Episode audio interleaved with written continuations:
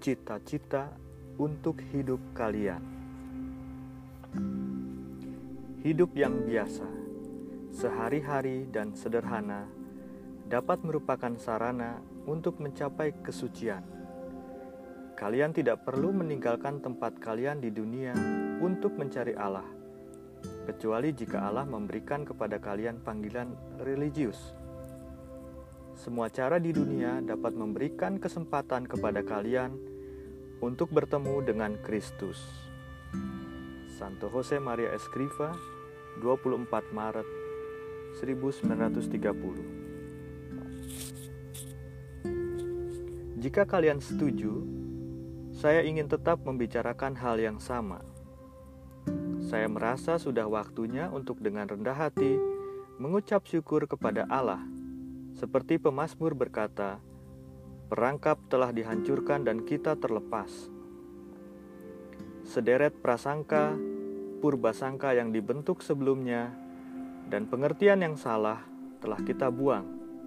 Dan sekarang kita sadar bahwa kesucian harus membuka jalan dalam pemikiran kita dan dalam cara semua orang Kristen berpikir. Kita sudah melangkah ke arah itu Mutiara yang sangat berharga telah bersinar di hadapan kita. Harta karun yang tersembunyi telah memberi kegembiraan kepada hati kita.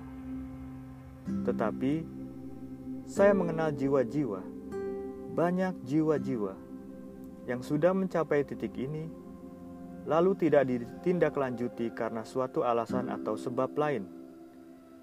Kalian selalu dapat menemukan sebab atau dalih. Menyedihkan, bukan? Kita dapat menarik pelajaran daripadanya. Mereka adalah jiwa-jiwa yang telah melihat, tetapi mereka menutup mata atau jatuh tertidur. Jiwa-jiwa yang memulai, tetapi tidak menyelesaikannya. Orang-orang yang dapat berbuat banyak, tetapi tidak berbuat sesuatu pun. Apa yang harus kita lakukan ialah mengubah gagasan menjadi keyakinan, dan keyakinan dirubah menjadi pengambilan keputusan. Kita harus betul-betul sadar bahwa kesucian adalah sesuatu untuk kita, bahwa kesucian itu sesuatu yang melebihi apa saja. Kesucian adalah sesuatu yang diminta oleh Allah. Hanya satu hal saja yang penting. Lukas bab 10 ayat 42. Saya harap kalian selalu mau memegang teguh kata-kata ilahi itu. Satu-satunya kekalahan yang dapat dibayangkan dalam kehidupan orang Kristen, dalam kehidupan kalian, adalah ini. Kita lengah di jalan menuju kesucian, lalu berhenti mengarah ke tujuan. Saudaraku, hidup kita dan dunia ini akan kehilangan artinya jika tidak diarahkan kepada Allah dan jiwa-jiwa. Hidup kita ini tidak mempunyai arti untuk dihayati. Seandainya tidak secara terus-menerus disemangati oleh hasrat dan cinta dalam mencari Allah. Dengarkan, apa gunanya seorang memperoleh seluruh dunia tetapi kehilangan nyawanya? Matius 16 ayat 26. Mengapa kita memikirkan begitu banyak hal jika kita melupakan sesuatu yang berarti?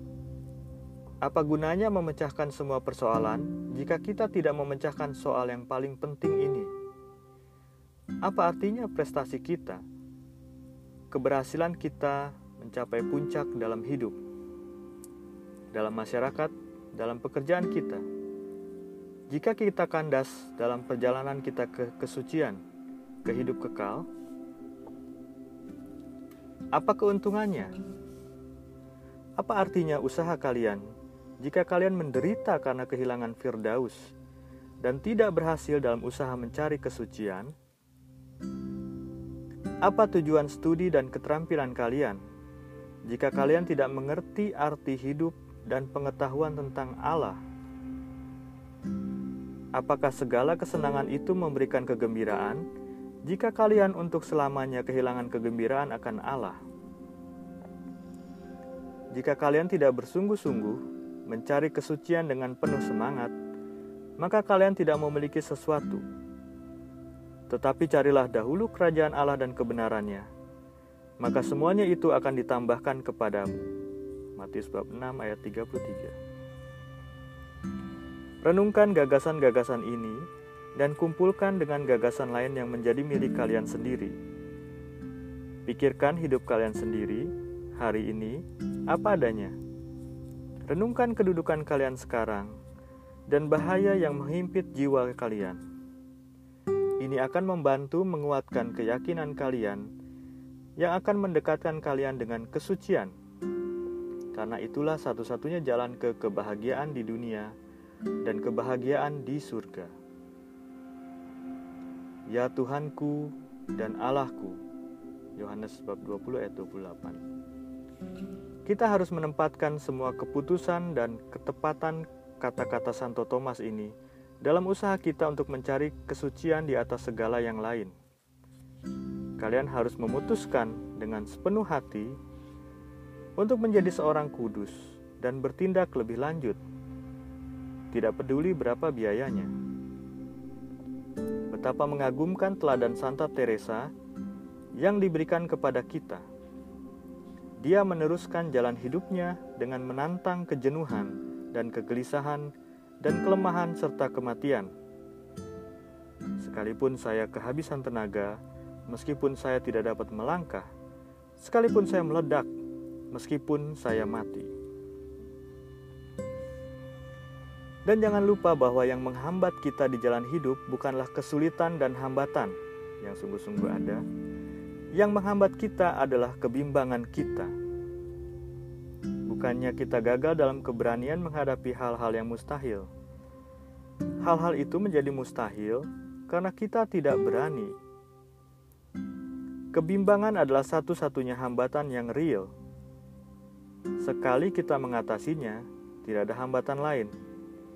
Malah, kita akan dapat dengan mudah menghadapi hambatan lain yang kita miliki. Semoga ya kita terhadap Allah adalah ya yang teguh, dan semoga dengan rahmatnya, ya yang kita ucapkan menjadi lebih bersungguh-sungguh dan mutlak. Lacordaire berkata bahwa kepandaian berpidato adalah anak buah kemauan besar. Berikan kepadaku seorang dengan kemauan besar, dan saya akan mengubah dia menjadi seorang ahli pidato bagi kalian. Saya dapat berkata, berikan kepada saya seorang yang bertanggung jawab, seorang yang mempunyai kemauan besar terhadap kesucian, dan saya akan memberikan kepada kalian seorang santo. Semoga tidak ada orang yang melebihi kita, kita dalam niat kita terhadap kesucian. Marilah kita belajar dengan pertolongan Allah, menjadi putra dan putri yang sungguh berminat untuk mencari kesucian dengan keyakinan yang teguh dan dengan sepenuh hati. Seperti rusa yang merindukan sungai yang berair, demikianlah jiwaku merindukan Engkau, ya Allah. Mazmur bab 42 ayat 2. Saudaraku, jika kalian orang-orang muda yang membaca kalimat-kalimat ini, pikirkan masa muda kalian. Masa muda adalah waktu untuk bermurah hati. Apa yang kalian perbuat untuk itu? Apakah kalian mengetahui bagaimana caranya menjadi seorang yang murah hati? Tahukah kalian bagaimana caranya untuk menghasilkan buah yang berguna dan efektif dalam mencari kesucian? Apakah kalian mengetahui bagaimana caranya menyemangati diri sendiri dengan gagasan yang besar ini? Bagaimana meyakinkan diri sendiri?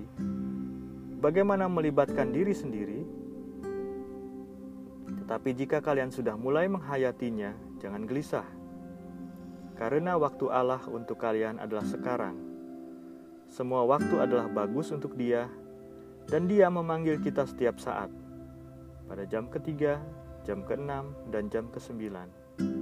Agar kita menjadi sadar dan merubah pendapat dan keinginan kita menjadi suci. Begitu Yesus mengajarkan kepada kita dengan perumpamaan tentang pekerja di kebun anggur. Tidak peduli berapa umur kalian, tidak peduli kedudukan kalian atau keadaan kalian, lingkungan kalian, kalian harus meyakinkan diri sendiri melibatkan diri sendiri, dan menginginkan kesucian. Kalian mengetahui dengan baik bahwa kesucian tidak terdiri dari rahmat-rahmat luar biasa yang diterima dalam doa, atau mati raga yang berat dan laku tapa. Juga tidak merupakan satu warisan bagi orang-orang yang hidup sendirian dalam oase saja, jauh dari dunia. Kesucian terdiri atas pemenuhan kewajiban dalam suasana iman dan cinta kasih atas sikap gembira dan rendah hati dalam menerima kehendak Allah, atas persatuan dengan Dia dalam tugas harian kalian, atas kemampuan bagaimana melebur agama dan hidup ke dalam kesatuan yang bermanfaat dan harmonis, dan atas segala macam hal dalam kehidupan sehari-hari yang kalian ketahui dengan baik. Inilah jalan yang agaknya jalan yang sederhana dan jelas. Yakinkanlah dirimu sendiri, putuskan, rindukan. Buatlah usaha dan perjuangan kalian sesuai dengan tujuan tertentu, dan bertekunlah dalam cinta kasih dan iman. Bunda kita Maria, Ratu semua orang kudus, jika kalian memohon kepadanya terang dan perlindungan, akan memberikan dukungan dan hiburan dalam perjuangan.